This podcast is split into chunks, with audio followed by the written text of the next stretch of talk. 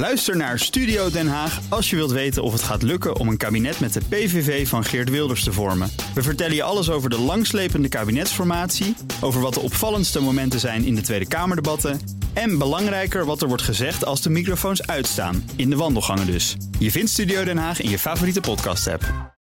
Wij moesten echt dag en nacht rijden, gewoon zes dagen in de week, gewoon 12 tot 14 uur.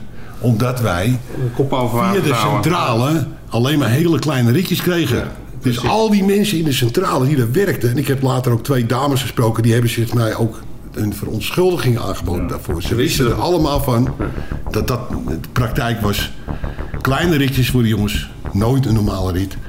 Op een gegeven moment heb je het door, want dan moet ik een keer naar dit Schiphol. Dat is een interessantere rit dan eh, ergens een paar straten verder. En dan zei ik tegen die mensen, eh, jullie hebben zeker niet van tevoren gezegd waar jullie naartoe gingen. hè?" Nee, inderdaad. Ik kijk, Hij zag het, ja. maar die mensen werkten dus allemaal mee om ons financieel kapot te maken. Later, twee van die dames, die heb ik gesproken later, en die zeiden van ja, het, het is zo. Ik zeg nou, ik neem het jullie niet eens kwalijk. Want ik weet wat voor schorum jullie voor moesten werken. En dat jullie anders je baantje waren kwijtgeraakt. Als jullie niet hadden meegewerkt. Maar dan kunnen we nagaan hoe financieel slecht het hadden. Want mijn huis hadden ze beslag op laten liggen. Toen werd ik door een boyka van de weg afgereden. was een spatbord van mijn auto af. En ik heb een half jaar of zeven maanden door moeten rijden. Met een spatbord wat ik uit elkaar had getrokken. Om nog een beetje geld te kunnen verdienen. En aangiftes van die boyka dat ik wou doen, dat kon niet. Dan heb ik drie, vier keer om gevraagd bij meneer Romeinsen. En dat gebeurde gewoon niet. Mijn naam is Sander het Sas. Als jonge reporter doe ik zes jaar lang verslag van wat later is gaan heten de Amsterdamse taxioorlog van 2000 tot 2006. Nu gaat het echt mis. In zes afleveringen duik ik terug in mijn archieven en praat ik met hoofdrolspelers van toen. Vandaag de zesde en voorlopig laatste aflevering. Het einde van de TCA-bestuurders. Jan en Kees zijn gefrustreerd dat er vrijwel niets gebeurt. De straatgevechten liggen achter ons, maar de interne strijd woedt heviger dan ooit. Het is inmiddels vijf jaar geleden dat directeur Dick Grijpink en bestuurders Hans Janmaat en Bub van Gelderen vier weken vastzaten. Ondertussen zijn de drie alweer jaren op vrije voeten en lopen onder andere Jan en Kees gevaar. Ze worden weggepest, krijgen geen werk en moeten continu rechtszaken aanspannen. In opnames die ik terugvind uit 2004 zegt Jan hier het volgende over. Wij hebben gezegd tegen justitie, luister, als wij verklaring afleggen, dan plaatst dat ons in een zeer moeilijke positie. Dan, dan zullen die, die mensen die de leiding hebben in die TCA hun dreigement om ons kapot te maken, dat zullen ze waar kunnen maken. Want wij kunnen met z'n tweeën nooit op tegen die organisatie natuurlijk. En eh, daar, is, daar hebben we uitgebreide verklaringen over afgelegd dat dat zou gaan gebeuren. En wat zien wij nu? Wij wachten al drie jaar voordat het maar zelfs maar op de rol komt te staan bij een rechtbank.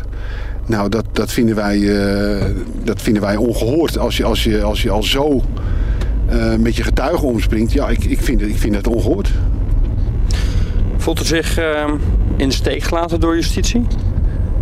Ja, want ik, zij kunnen mij ook niet uitleggen waarom dat drie jaar moet duren. Als, als ik, eh, ik, ik, ik, ik vraag me af of dat, eh, voor, voor, als dat voor elke rechtszaak in Nederland zo is. Dan denk ik toch wel dat er iets, eh, iets goed fout zit. Als het bij elke rechtszaak vier, vijf jaar moet duren.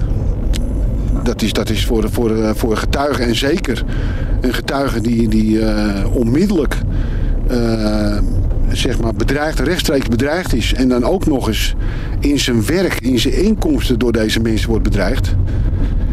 Ja, eh, wie zal er in de toekomst dan nog ooit eens eh, als getuige durven optreden? Ik niet. Jan is het bovendien zat dat hij buiten het TCA-systeem om zijn ritjes moet krijgen, omdat hij sinds hij met de politie praat nauwelijks werk krijgt van de centrale. Hij heeft een vergunning, is certificaathouder en heeft dus gewoon recht op fatsoenlijke ritten. Hij besluit te gaan procederen en doet dat via advocaat Leni Jachtenberg. Jullie kregen geen ritjes van de centrale. Nee.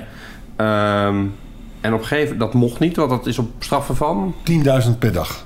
Dus op, op straf van 10.000 euro Ja, per dag. Maar dan kun je nagaan hoe die, hoe die klootzak in elkaar zitten. We hebben schaten, die rechtbank. Ja. Laat ze de tyfus krijgen. Dus wij krijgen gewoon geen werk. En toen hebben wij dat laten controleren via deurwaarders. Kost iedere keer 150 euro hoor, die deurwaarde.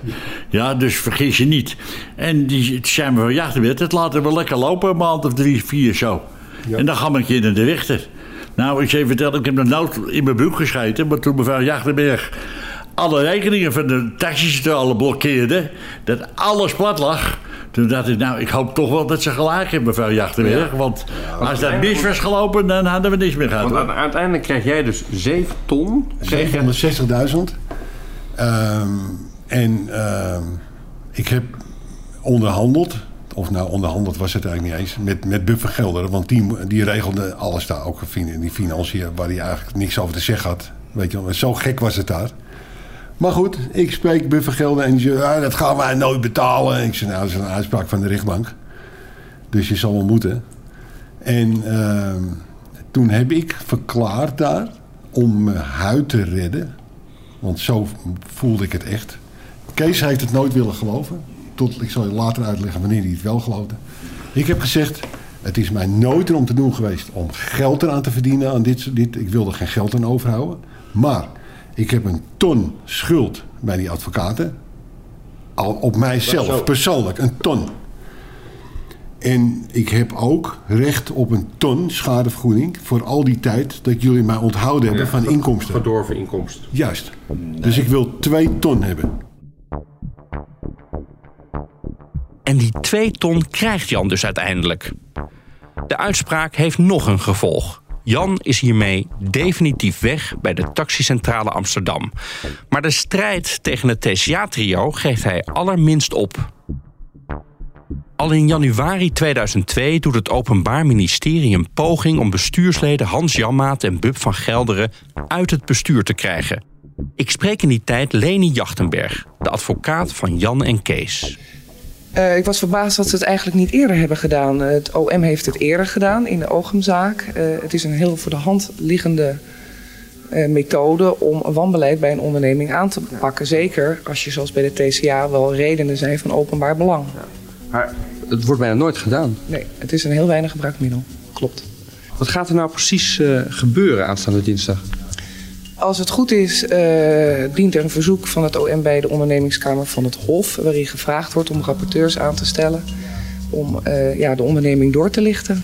Want eh, in principe de rapporteurs die benoemd worden door de ondernemingskamer, die hebben alle macht om te doen en te laten en de stukken in te kijken wat ze willen. Het bestuur heeft op dat moment in elk geval geen zeggenschap. Nee. De poging van het OM bij de ondernemingskamer, een civiele rechtbank voor het bedrijfsleven, loopt op niets uit. Maar bij Jan is wel een zaadje geplant. Dat zit zo. Jan en Kees hebben geen vertrouwen meer in politie en justitie, die het volledig laten afweten. Uiteindelijk zijn alle aangesloten taxichauffeurs de certificaathouders van de Taxicentrale Amsterdam. En wat nou als die naar de ondernemingskamer stappen om het bestuur en de directie weg te krijgen? Op een gegeven moment tijdens mijn werk ben ik zo naar de Spuil gereden. Naar die fantastische boekhandel daar. Ik mag geen reclame maken. Maar ik loop daar naar binnen. Ik zeg, eh goeiedag, ik zoek een boek over de BV. Oh, zegt die jongen. Personeel fantastisch daar, hè? Hij loopt er even mee. Pakt een boek van 400 pagina's eruit. Kijk, zegt hij, dit moet je hebben. De BV in Nederland. 400 pagina's. Ik zeg, ja, pak maar in.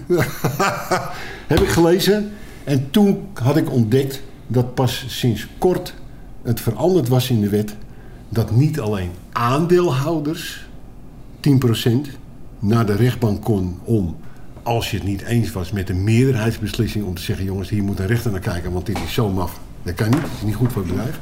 Niet alleen die, maar ook de certificaathouders dat kon. Dat kon pas sinds kort. En toen had ik dat te pakken. Toen heb ik een half jaar tijdens mijn werk met lijsten rondgelopen. Van jongens, willen jullie tekenen? Gaan we naar de rechter, onafhankelijke instantie. Die kan kijken, is het nou wel goed, ja of nee. Zo is dat gegaan. Jan, hoe hoog is jouw IQ? Eh, nou, er is, ik heb eh, getest. Eh, 140. Dat is heel hoog, hè? Ja. ja, die dames die, dat, die, die hebben twee keer die test nagekeken. Want er zat geen enkele fout in. En die dachten, dat kan niet goed zijn. We hebben, we hebben twee keer hebben ze het nagekeken. ja. Want je vertelt ook, je koopt een boek over een BV. Uh, ik lees het door en ik, uh, ik, ik weet hoe ik die, die mannen moet aanpakken. Dus die slimme Jan heeft mogelijk een manier gevonden om van het TCA-trio af te komen. En hij voegt de daad bij het woord. Er wordt een vergadering georganiseerd in het Zonnehuis in Amsterdam-Noord. Een bekende plek waar vaker taxibijeenkomsten worden gehouden. We hadden een vergadering georganiseerd, Kees en ik, om aandacht te vragen voor wat we eigenlijk aan het doen waren. Een rechtszaak in, in de ondernemingskamer. En dat kostte gewoon echt heel veel geld.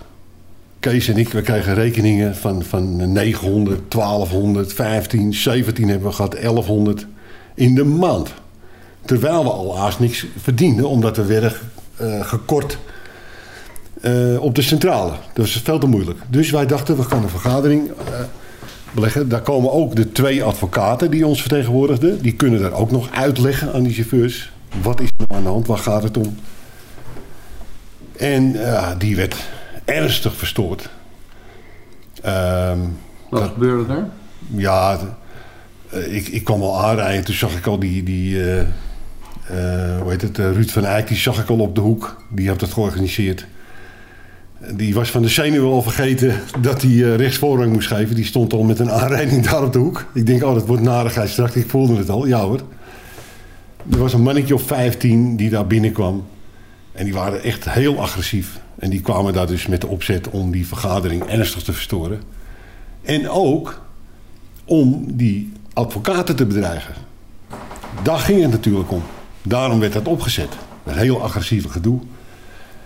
Uh, op een gegeven moment uh, moest Kees samen met de hulp van een aantal gewone uh, chauffeurs die daar kwamen, die, die kwamen gewoon aan die vergadering te bezoeken. Fysiek die beide advocaten door die groep heen leiden om ze in veiligheid te brengen.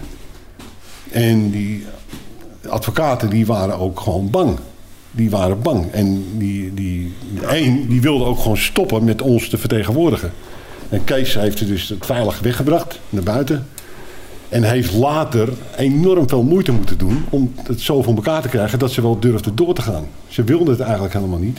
Mevrouw Jachtenberg die wou het niet meer. Maar Louis Jansen, die andere, die zei uiteindelijk nou we moeten toch doorgaan. Maar Kees heeft echt heel veel moeite moeten doen om ervoor te zorgen dat wij nog wel vertegenwoordigd werden door die advocaat. En dat was ook de opzet van het hele spel. Om onze advocaten monddood te maken. En er zijn eh, op die avond politiemensen. Er stond een heel rijtje.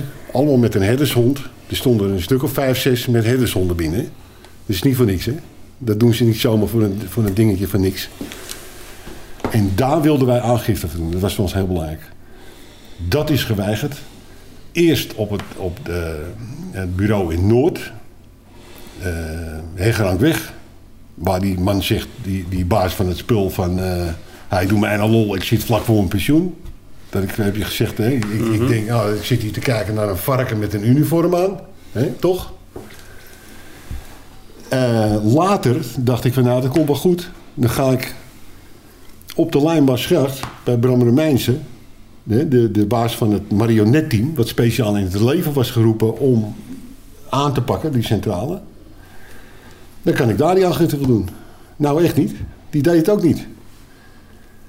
Hoe kan dat? Jan en Kees proberen aangiftes te doen, maar die worden door de politie simpelweg niet opgenomen. Iets wat notabene een wettelijke plicht is. Ik verbaas me erover dat dit niet wordt gedaan. En het is niet de eerste keer. Aangiftes konden wij niet doen. Echt, en het waren echt wel behoorlijk zware eh, misdrijven aangifte, hoe kom je daar nou bij? Ja, je bent hier wel geboren in Nederland en eh, je hebt wel een Nederlands paspoort. Maar uh, aangiftes, nou, hoe kom je daar nou bij? Dat krijg je niet. Nee, dat recht geven we je gewoon niet. Een politieman hè, die dat doet, geeft mij niet het recht om in het rechtssysteem mee te doen. Hoe kan dat? en dat bleek niet één keer, dat was meerdere keren. Toch komt die gang naar de ondernemingskamer er, samen met 227 andere chauffeurs. Er blijken miljoenen weg te zijn uit het spaarfonds. Geld dat de chauffeurs maandelijk sparen voor een nieuw elektronisch systeem waarmee de taxiritten verdeeld worden. Dat stellen onderzoekers van de ondernemingskamer die ter voorbereiding van een rechtszaak de boel doorlichten. En daar heeft de centrale drie keer een ton voor moeten betalen. Om zichzelf te laten onderzoeken aan de ondernemerskamer. Die kwamen tot de conclusie op een gegeven moment, na de derde ton. Van ja, wij hebben geconstateerd dat er minstens 2,2 miljoen euro weg is. Is ontraceerbaar. En als wij de directeur vragen, meneer Grijpink, om eh, papieren en bonnetjes en zo, dan zegt hij nou, die krijg je niet. Nou ja, goed. dat... Ah, maar het hele spaarfonds, het hele spaarfonds was weg. Dat hebben ze echt zo, ah, zo meegenomen, dat schoolje mooi. Ja, dat is daarna is het natuurlijk Maar verder nog jullie- gebeurd. ja. Maar dit is wat de ondernemerskamer gewoon heeft vastgesteld in hun rapportage. En even voor mijn duidelijkheid, dat spaarfonds, dat is jullie geld. Ja, Toch? ja. Dat is, dat Voor is nieuwe van jullie systemen. allemaal. Ja. Voor nieuwe systemen, voor nieuwe systemen in de auto's. Ja. Directeur Dick Grijping kan zich niet voorstellen dat hem iets te verwijten valt. Nou, het spaarfonds is volledig verantwoord. Dus ik kan me niet voorstellen dat, eh, dat daar nog eh, kritiek op is. Het is in ieder geval zo dat de ondernemerskamer er wel van overtuigd moet zijn... dat er bij TCA geen, eh, geen, geen cent weg is. Men bedenkt gewoon iets, hè, zoals het hele verhaal met het spaarfonds. Dat, is gewoon, dat heeft men gewoon bedacht. Het spaarfonds is leeggeroofd. Nou, voordat wij aangetoond hebben... want aan wij krijgen altijd... er is een soort omgekeerde bewijslast... We moeten dan op een enorme manier aan de bak om weer aan te tonen dat het niet zo is. En als we dat dan weer aangetoond hebben, dan komt het, eh, dan komt het volgende verhaal weer. Maar ik moet wel zeggen, als wij hier goed uitkomen bij de ondernemerskamer... dan denk ik wel dat de, grootste pijn in ieder geval wat dat betreft wel weggenomen is. Grijpink reageert op zijn gebruikelijke manier. En dan komt uiteindelijk een zitting. Op 6 juli 2006 volgt de volgende uitspraak. De ondernemerskamer verstaat dat uit het verslag van het onderzoek in deze zaak is gebleken van wanbeleid van de besloten vennootschap met beperkte aansprakelijkheid Taxicentrale Amsterdam BV, gevestigd te Amsterdam, ontslaat met onmiddellijke ingang Hendrikus Jozef Grijping als bestuurder van Taxicentrale Amsterdam BV. Het is een moment waar Jan en Kees al bijna zes jaar naar uitkijken. Het bestuur en de directie worden per direct definitief uit hun functie gezet. Vanwege wanbeleid. En er blijkt inderdaad ruim 2 miljoen euro weg te zijn uit het spaarfonds van de chauffeurs. gegevens over het spaarfonds en de aanwending van de daarin bijeengebrachte middelen heeft verwaarloosd, dat er van de conclusie geen andere kan zijn dan dat de vennootschap te deze in ernstige mate onzorgvuldig heeft gehandeld. En al datgene is overwogen leidt, is, betekent dat is gebleken van wanbeleid van de vennootschap.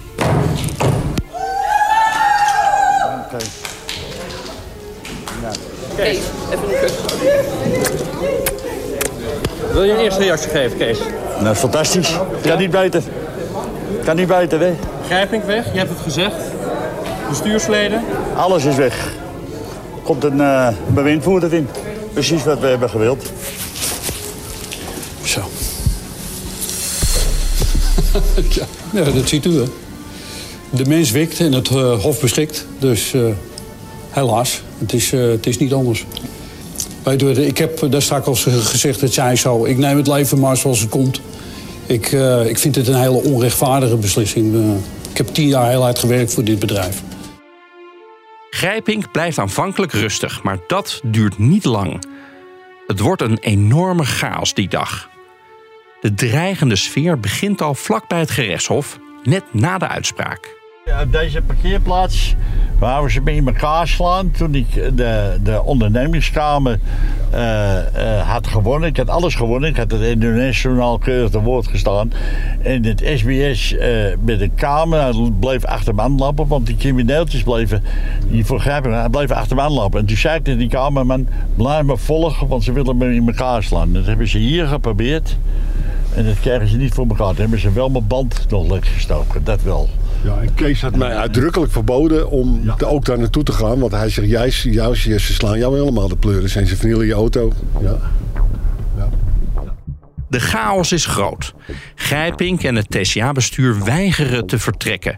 De ondernemingskamer heeft een bewindvoerder aangewezen, maar die is er nog niet. Het kantoor van de centrale wordt bezet. En daar geeft Dick Grijpink een paar uur later een persconferentie. Eigenlijk zeg ik dat die rechter niet deugt. Die rechter is geen prutser. Die rechter deugt gewoon niet als rechter. Kees, je wil, je wil naar binnen, hè? Nou, we komen niet binnen. We mogen niet naar binnen. Je hebt net een rechtszaak gewonnen? Ja, en de rechter heeft gezegd dat ze per heden eruit moeten. Dus we wachten nu op, de, op die bewindvoerder, die, die meneer die komt. Ik, ik, denk, ik verwacht hem ieder moment eigenlijk. Ja. En dan mag je wel naar binnen. Misschien wel, ik weet het niet. Maar ik, ik sta niet te trappelen om naar binnen te gaan. Maar deze man zullen ze binnen moeten laten. En dan zal die graapje naar buiten moeten. Alle minuut. Dit is het einde van de rit. Want zo is het gewoon. Onze broodwinning is hierbij in gevaar. Om nu een signaal af te geven aan de politiek, maar vooral aan onszelf, hebben wij vanaf heden de centrale overgenomen. Als het bedrijf en daarbij je broodwinning je lief is, komt u nu gelijk naar het Wisselerplein om uw steun aan de bezetters te geven. Je kon de, eh, het- gebouw ook niet binnen nog. Eh, eh, je, hoort Grijping zeggen... Ja, dat is een, het is niet een prutser, die rechter. Hij deugt gewoon niet. Hoe luisteren jullie hiernaar? Dit is 2006. Dat is, eh, dat is lang geleden inmiddels. Nou, hij heeft van juridische procedures totaal geen kaas gegeten. En dan zegt hij dat die rechter niet deugt. Waarop baseert hij? Hij weet niks van het recht. Helemaal niets. Hij, heeft, hij schermde ermee dat hij meester in de rechter was. Het is gewoon een of on, onduidelijk eh, certificaat wat hij gekocht heeft in de Verenigde Staten. Hij, hij is niet, geen meester in de rechter. Nee, natuurlijk niet. gewoon een dingetje wat je kan kopen in de States. Waarop staat dat je, dat je eh, een rechtenstudie hebt gedaan. Nou, hij weet er niks van. Hij begrijpt het niet eens. Nou ja, je, het was... Ik wou naar binnen en ik werd niet toegelaten door al die boycotts. En die bewindvoerder die op dat moment schijnbaar ook niet naar binnen... want ik kwam pas s'avonds om half acht aanlopen. Die mijn, mijn de dag voor de deur laten staan voordat ik naar binnen kon. Ja, toen ging die bewindvoerder die ging nog alleen naar binnen ook. Voordat het zoutjes gewoon eruit ging. Want ze hebben eerst gewoon nog van alles eh, in die centrale leeggehouden voordat ze weggingen. Eind goed, al goed, denken Kees en Jan. De bewindvoerder komt en stelt orde op zaken. Toch loopt het niet zoals verwacht. Waar de ondernemingskamer nog een ferme tik uitdeelt, er is ruim 2 miljoen euro weg uit het spaarfonds, blijft het aan de kant van het Openbaar Ministerie oorverdovend stil. Er loopt nog steeds al jaren een strafrechtelijk onderzoek tegen de TCA-top. Jan en Kees horen na de overwinning bij de ondernemingskamer helemaal niets meer. En dan, op 21 december 2007, enkele uren voor de kerstvakantie begint, besluit het Openbaar Ministerie de zaak tegen Grijping, Janmaat en Van Gelderen te seponeren. Letterlijk schrijft het OM in een persbericht. Zij werden ervan verdacht in 1999 en 2000 leiding te hebben gegeven aan een criminele organisatie. Daarnaast bestond de verdenking dat zij hadden aangezet tot geweld en samen oplichting hadden gepleegd. De verdachten hebben de feiten steeds ontkend. Aanvankelijk ondersteunen de resultaten van het onderzoek deze verdenkingen. Naar aanleiding daarvan is een zeer groot aantal getuigen gehoord door de rechtercommissaris in deze zaak. De resultaten van deze verhoren geven een ander beeld van de zaken. Dat leidt tot de conclusie dat de aanvankelijk redelijke vermoedens niet tot een veroordeling kunnen leiden. Daarvoor is te weinig bewijs. Het bericht van het OM verbaast me zeer. Hoe kan dat nou? Want hoe zit dat dan? Alleen al met dat verdwijnen van het geld uit het spaarfonds. Hoe, het, hoe erg het echt was, daar kom je pas later achter. Namelijk als eh, je uiteindelijk ziet dat al die malversaties, die zelfs ook door de eh, mensen van de ondernemingskamer later eh, aantoonbaar eh, zijn, zijn verklaard. Van er is 2,2 miljoen euro's verdwenen van dat spaargeld van die chauffeurs. Praat je alleen op het spaargeld, hè? Ja, en, maar en later, dan gebeurt daar niets mee. Dat is echt onbeschrijfelijk. Dat is onbegrijpelijk. Vijf jaar later pas zegt de nieuwe officier van justitie... die andere had zich gewoon laten wegsturen... door die criminelen. Meneer Nino, dat, Ja, ja, dat ja. zei ik En- ook wel winnen. Dan zegt een, een nieuwe, vijf jaar later... ja, we hebben verschrikkelijk hard gewerkt. Nou, het zweet staat nog om mijn rug. Ik wil hem wel even omdraaien. Vijf jaar lang hebben we ons te kaleren gewerkt aan die zaak. Maar we hebben nooit iets kunnen vinden. Zaak gesloten. Vrijdagmiddag, hè? voor het weekend. en de, de ondernemingskamer, die hebben in opdracht van de ondernemingskamer, is er, is er door ehm, eh, mensen die er verstand van hebben, accountants, onderzoek verricht. En die constateerden al, Ja. 2,2 miljoen is weg. En weet je wat de directeur toen zei? Bonnetjes, krijgt de kaleren maar. Jullie krijgen helemaal geen bonnetjes. Rot op. dat en dan gebeurt er niks later. We hebben niks kunnen vinden. We, hebben, we kunnen niks vinden. Het duizelt me opnieuw. Dus in 2001 zitten de heren vier weken vast. Er ligt een vuistdik onderzoeksrapport waarin gesproken wordt over witwassen, banden met de onderwereld, oplichting van chauffeurs, het uitlokken van geweld. En toch wordt de zaak geseponeerd. Ik bespreek het met misdaadverslaggever Paul Vught van het Parool. Dan komt dat moment eh, uiteindelijk. eh, ik heb het persbericht voor me. Dat is op eh, 21 december 2007 om 18 minuten over 11. Het staat er echt bij. Dan komt er een persbericht van het Openbaar Ministerie met de mededeling geen vervolging van de leiding van de TCA. Dat is een apart momentum, want dat is, dat is echt, eh, nou, laten we zeggen, een uurtje of twee voordat eh, de kerstvakantie begint. Dus ja, niemand heeft dit ooit Nou nog ja, er gelezen was nog waarschijnlijk. iets, nog iets anders aan de hand. Het was ook tijdens de uitspraak eh, in de afpersingszaak tegen Willem Holleder. Eh, dus het was wat eh, de Amerikanen put out the trash day noemen. Dus er is iets groots. Wij media zijn allemaal bij de uitspraak van Holleder. Zijn druk met die uitspraak van Holleder. En ineens vloep plopt er een persberichtje eh, in ieders computer, maar niemand heeft er tijd voor. Dus eh, ze hebben dat moment gebruikt toen niemand kon kijken. En vlak voor de kerstvakantie ging het OM even snel dat eh, een nare berichtje eruit gooien. Dat na, ze- na al die jaren van onderzoek dat ze het eh, niet rond hebben gekregen en dat ze het moeten seponeren. En later heb ik dat de toenmalige hoofdofficier nog wel, ehm, die sprak ik kort daarna, nog wel voorgehouden van zo, dat was wel lekker, een lekker trucie. Nou, hij moest erom lachen, maar hij heeft het niet weersproken. Dat was natuurlijk, dat was natuurlijk geen toeval. Nee, dan staat er nog iets opmerkelijks in dat persbericht. Wat eigenlijk helemaal niet volgens mij in een persbericht hoort te komen van het Openbaar Ministerie. Er staat namelijk als onderaan staat er de heren Grijping van Gelder en Jammaat hebben verklaard geen verzoeken tot schadevergoeding in te zullen dienen. Hiermee komt deze strafzaak na bijna acht jaar definitief tot een einde. Waarom zou je zoiets in een persbericht Ja, zetten? eh, Omdat ze het afgedeeld hebben, denk ik. En, en daar dan ook maar open over willen zijn. Want dat het staat er niet, maar het Ja. staat er wel natuurlijk. Ja, en, en het was nog in een periode dat het volgens mij niet gebruikelijk was. Kijk, nu, tegenwoordig wordt er steeds vaker wel ehm, worden er deals gemaakt omdat er veel te veel zaken zijn. En justitie doet soms sowieso zelfs kleinere zaken af, maar in grotere zaken eh, maken ze ook procesafspraken, heet dat. En dat kan bijvoorbeeld zijn, als jullie nou dit niet doen, dan zullen wij de vervolging niet, eh, dan is hier met de kous af. En dat, kan, dat is hier kennelijk gebeurd, maar dat was helemaal nog niet gebruikelijk. Nee, Dus, ja, nee dat is opmerkelijk. Hoe heb jij hiernaar gekeken? Want, eh, nou ja, acht jaar daarvoor, zeven jaar daarvoor, wordt er natuurlijk met, met, met veel eh bombarie. Ja. Wordt er, ehm, worden deze mannen van hun bed gelicht. Zeker, nou, en die Eh, vier dossiers- weken hebben ze vastgezeten. Die dossiers, die, hè, die hebben jullie ook op de redactie gekregen. Hebben jullie naar buiten gebracht. Eh, ver- ver- eh, er wordt een verband ge- gelegd met de, ja, de, de, de criminele wereld. Hè, de onderwereld. John Mierenmet wordt genoemd. Niet alleen genoemd, er waren ook wel behoorlijk wat bewijsmiddelen die. Nou ja, wij dachten eigenlijk wel. Bart Middelburg, vooral mijn collega, die heeft heel veel met, die, eh, met dat strafrechtelijke deel ook eh, zich bemoeid. Die heeft nog een journalistieke prijs gewonnen voor zijn publicaties over dat deel. En. Ja, wij waren er wel van overtuigd dat er ge- genoeg eh, vlees aan het bot zat van, eh, van dat onderzoek. Maar dat heeft al zo lang gesleept. En die rare manoeuvre via die officier die met die computer dan eh, in de problemen kwam en, en wegging. En zo lang stilte. Ja, en dan, dan gaat hij als een nachtkaars uit. Ik, ik begreep dat toen niet. Ehm, nou ja, wij hebben toen wel gedacht van ja, kennelijk is hier een deal afgetikt. Het heeft te lang geduurd. Je hebt ook nog zoiets als een redelijke termijn. Dat betekent in de strafrecht dat binnen twee jaar nadat jou bekend is geworden dat je ergens van verdacht wordt, hoort er eigenlijk een eh, vonnis te liggen. Nou, hier waren we zeven jaar eh, eh, verder.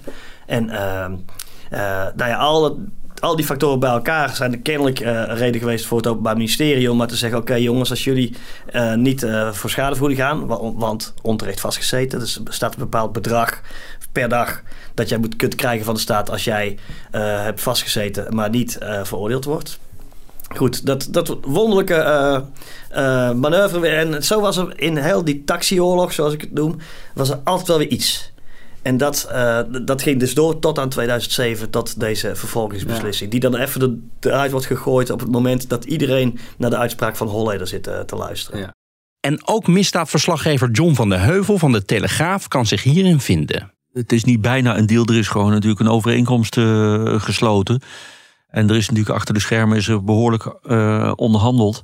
En wat absoluut een rol heeft gespeeld, denk ik, is dat uh, eigenlijk het OM helemaal geen zin had om in die, in die beerput uh, meer te gaan roeren. In de, in de zin van dat je een heel slepend proces gaat krijgen. En ik denk dat het OM gewoon uit hele pragmatische overwegingen toen heeft gezegd van... Nou jongens, laten we er vanaf zien. En, en zij moeten dan zich verplichten om, om het ook allemaal te laten rusten. Ze waren ook al weg uit die taxicentrale. Dat was hè? natuurlijk heel belangrijk. Hè? er was een nieuwe bewind. Ja. Ook een strijd die Jan en Kees hebben gevoerd. Ja, ja, ja. Nee, in mijn optiek zijn het de helden van de taxiwereld van toen. Die twee, dat, wat die voor elkaar hebben gekregen. Ze hebben er een hele zware prijs voor betaald. Maar ze hebben wel ervoor gezorgd dat dat, uh, ja, dat hele moeras... Wat, waar, waar die hele TCA in, in terecht was gekomen... dat dat in ieder geval weer een beetje gedempt werd.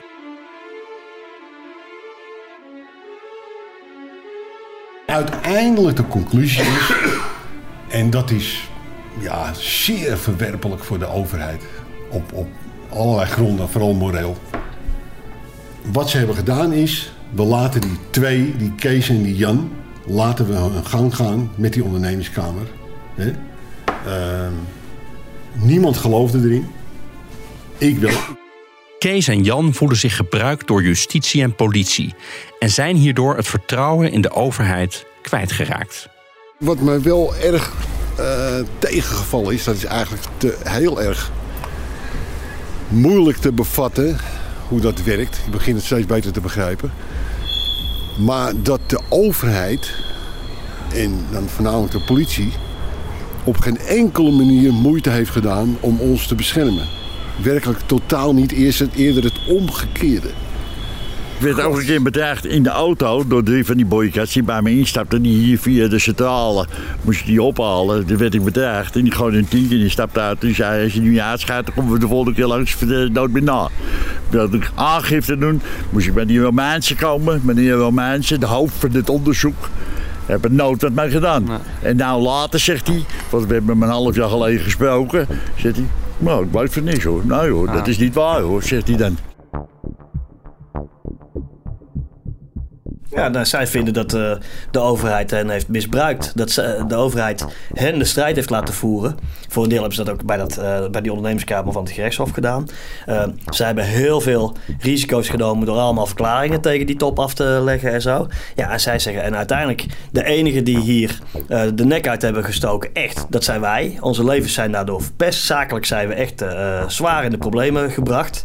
en aan het eind van het liedje laat het Openbaar Ministerie die zaak uit zijn poten vallen. En uh, zitten wij ermee? Nou ja, zij zijn er nog kwaad over, dat, uh, dat weet je. En uh, ook ik heb ze geïnterviewd voor het Parool recent. En nou ja, je kunt urenlang tegenover ze zitten en zij blijven maar spuien wat er allemaal in hun levens is verpest. En ze hebben daar volledig gelijk in. Het is hun verdienste en daar verdienen ze ook alle credits voor. Ja, hebben ze die ook gekregen, vind je? Nee, nee, nee, want in feite uh, hebben ze er eigenlijk alleen maar schade aan ondervonden. En, ze zijn zelf heel boos op politie en het OM. Hè? Ze zeggen we zijn in de steek gelaten. Ze hebben, nou. wij, hebben, wij hebben het werk gedaan wat zij hadden moeten doen. Ja. En, en ze hebben ons keihard laten vallen. Ja, nou, ik ben het er wel mee eens. En in, in, die zin ben ik blij dat er dus nu weliswaar na jaren toch, toch weer wat eerherstel eh, voor de mannen kon. Of de eer was niet eens aangetast, maar dat ze in ieder geval ja, uh, de eer krijgen dat zij degene zijn geweest die ja. dit allemaal boven water hebben gekregen. En, en wat ik zeg, daar een hele zware prijs voor hebben betaald. Want uh, financieel hebben ze, hebben ze heel veel schade geleden natuurlijk. Want op een gegeven moment uh, ja, dreigde zelfs faillissementen en, en dat soort uh, zaken. Maar ook fysiek. Ik bedoel, als je zo lang onder zo'n grote stress leeft eigenlijk... met bedreigingen, intimidaties, financiële malheur... Uh, allerlei andere aspecten... en dat je dan, dan is het niet meer dan logisch... dat je op een gegeven moment uh, lichamelijk daar ook ja. klappen van gaat krijgen. Dat hebben ze alle twee gehad, mentaal ja. en, en fysiek. Nee, ik kan me voorstellen dat met name die beslissing op een gegeven moment... om te gaan seponeren... dat dat is denk ik wel gewoon de nekslag voor ze geweest. Wat ik me ook heel goed kan voorstellen. Uh, en... en je wil dat er recht wordt gedaan. Je wil dat de rechters naar kijken. En, en dan is het in feite is het mentaal dan nog beter te verwerken op het moment dat de rechter zegt van nou, ik, heb, ik zie toch onvoldoende bewijs en ik, ik ontsla je van rechtsverhoring of ik spreek je vrij of wat ook. Dat kun je dan misschien nog verwerken. Maar, maar dat, het is niet eens voor de rechter geweest. Iedereen eh, voelde aan zijn klompen aan, dit deugt niet. Maar uh, ja, dus nogmaals, om, om pragmatische redenen, want daar ga ik dan maar vanuit. Uh, heeft het OM gezegd, we gaan niet verder met die zaak. Zij hebben lang gezocht naar gerechtigheid die ze niet hebben gekregen. En ze zijn uiteindelijk natuurlijk ja, er wel heel beschadigd uitgekomen. En uh, nou, dat, gun ik ze niet. En, uh, maar het is niet dat zij verhalen verzinnen. Al, allerlei elementen van wat zij vertellen zijn aantoonbaar juist. Ik vind het een wonder dat er, dat er eigenlijk geen doden zijn gevallen in dit hele verhaal. Ja, waarom? nou ja, omdat het, de spanning liep op enig moment zo hoog op. Um, de financiële belangen waren immens. Uh, reputaties stonden op het spel. Uh, er was een link met de onderwereld. Uh, en niet de minste uit die onderwereld. Die ook zo'n Mierenmet, die, die had er natuurlijk ook al heel wat laten opknappen. En als, die, dat, als dat kaliber zeg maar ziet dat er aan het geld wordt gekomen... of dat er een dreiging ontstaat dat misschien bepaalde financiële lijnen worden blootgelegd, et cetera... nou, dan zijn ze meedogenloos. Dus in die zin, en dan nog eens alle emoties die een rol speelden in die zin is het, uh, ja, mag je het echt afkloppen dat, er, uh, dat, het, het heeft, dat het geen levens heeft gekost. In mijn ogen hebben Jan en Kees ongelooflijk veel moed getoond. Ze hebben enorm hun nek uitgestoken en liepen het risico daarmee alles kwijt te raken. Hun geld, hun inkomen, hun huizen, hun gezondheid, hun veiligheid. Jan en Kees nemen het op voor hun collega-chauffeurs, al wordt hen dat lang niet altijd in dank afgenomen. Ze nemen het op tegen de nieuwe concurrentie en de overheid, tegen corruptie binnen hun eigen organisatie en zelfs tegen de gevaarlijkste criminelen van Nederland. Het is een wonder dat deze mannen nog steeds recht overeind staan en tot op de dag van vandaag aan het werk zijn.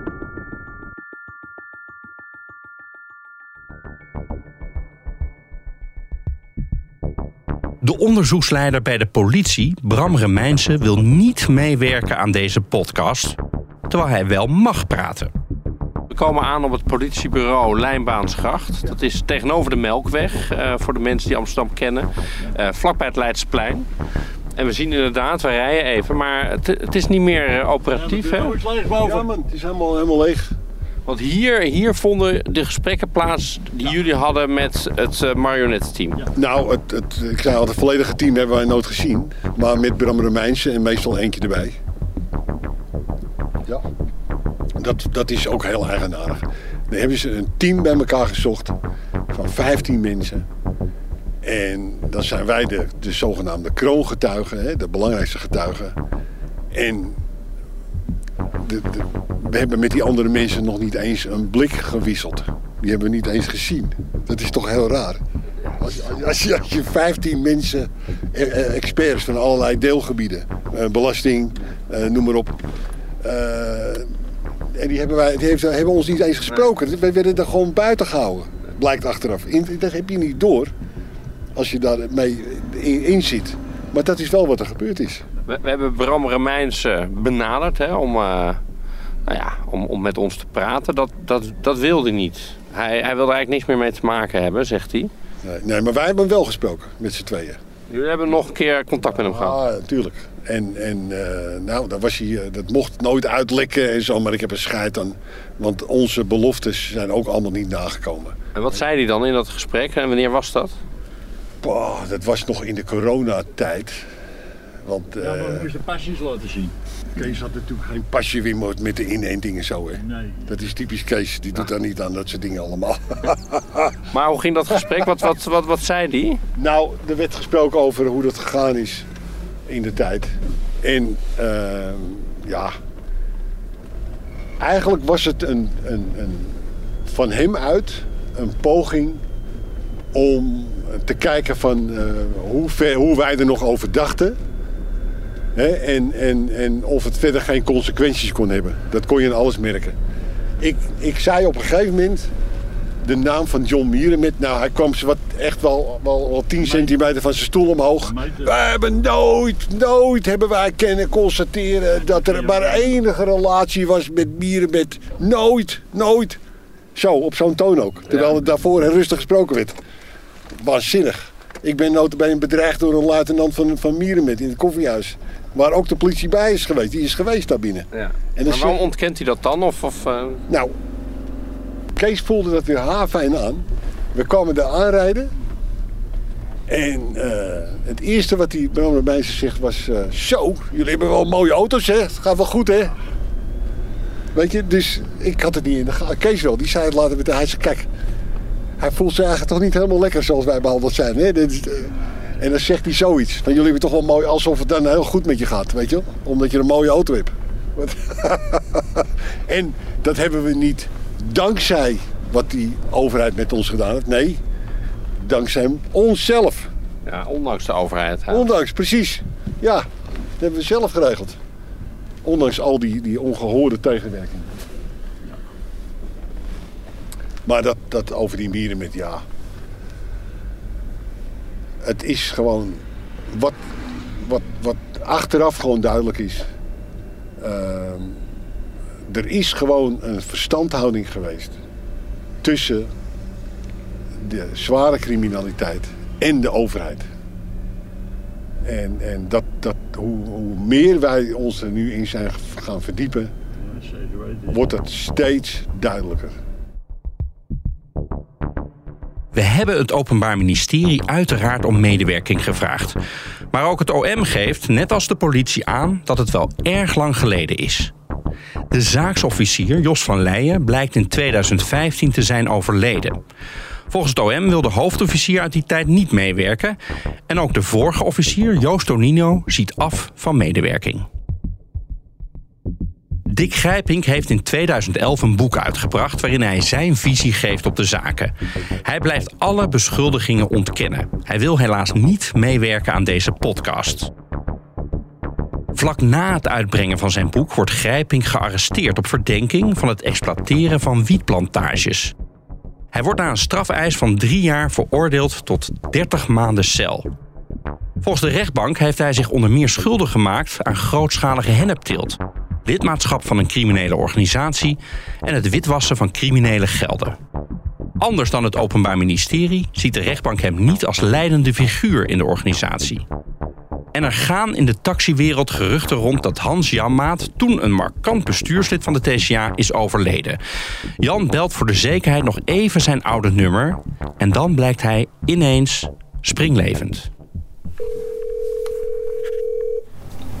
Ik zal hem nu even geven. Jan de Hartel hoor ik op de achtergrond. Ja, helemaal. Ja, hoe is het man? Nou, prima. Prima. Ja. Nou, En ik krijg allemaal eh, rare berichten hier. ja. Van, eh, ja, die Janmaat is dood, eh, werd er gezegd. Ik denk, eh, nou, ik heb nooit altijd... Misschien heb ik wel vijanden gehad, ik weet het niet. ja, ja, goed. Ik, maar ik denk, weet je wat, ik, ik bel gewoon dat nummer. Ik zie hier zo'n kaartje allemaal Ja. met, met dat nummer erop. En ik denk, ik probeer het gewoon, want iemand zei dat van, ja, die is al lang dood. Ik denk, nou, ik weet het niet. nee, ik ben wat dat betreft eh, wel de dood natuurlijk dichter genaderd, want ondertussen ben ik al 84. Ja, maar daar hebben we allemaal last van, hè? Ja, ja, ja, ja. Daar doe je geen reet aan. Nee. Dat is, ja, dus dat gaat automatisch, maar eh, ik verkeer nog steeds in een redelijke gezondheid. Wat ik nou niet begrijp is dat we hebben zulke grote conflicten gehad. Jan belt hem op. En hij doet of er eh, niks aan de hand is en wat leuk dat je belt en weet ik veel. Dat, terwijl, terwijl die zijn bloed wil gaan drinken. Weet ik, nou. Een zaggerijnige oplichter verdient niks. Nadat ook ik hem bel, laat Hans Janmaat me weten na te willen denken over een interview. Na een tweede telefoontje zegt hij dat hij zijn deelname laat afhangen van het oordeel van oud-collega's. Maar wie dat zijn, dat zegt hij niet. Pas als zij het een goed idee vinden, gaat hij me terugbellen. En anders niet. Nou ja, er is geen reactie meer gekomen. Bub van Gelderen heeft nooit gereageerd op onze verzoeken om te reageren. Jan en Kees zijn allebei weg bij de centrale, tot hun grote spijt. Wel rijden ze, zelfs nu ze de pensioengerechtigde leeftijd al lang zijn gepasseerd, nog steeds dagelijks op de taxi. Niet voor het geld, maar voor de lol. We, sta- we staan nu voor dat gebouw. Hè. Er staat eh, eh, Taxi TCA. Nou, ja, het is het oude gebouw. Het is eh, twee etages hoog. Het is eh, ergens in de Belmer, vlakbij het metrostation. Ehm Eindpunt van de metro. ja, hem gaan. Ja. En Doet het nog iets met jullie dat jullie hier staan? Nou ja, We, we hebben er een hoop voor gedaan om, om dat zoutjes gewoon eruit te krijgen. En het liefst had ik gewoon nog bij die centrale gereden. Als het op een normale manier wordt geleid, waarvoor niet? Ja, want je- ik ben ervan overtuigd als je een goede centrale neerzet, dat je goudgeld kan verdienen. Ik had deze podcast niet kunnen maken zonder de inzet van Kees Meester en Jan den Hartog. Maar ook alle andere sprekers, Peter Vonkert, Paul Vugts en John van de Heuvel. Techniek en vormgeving was in handen van Connor Klerks en Wesley Schouwenaars. Muziek Klaas-Peter Olijnsma. Eindredactie Wendy Beenakker.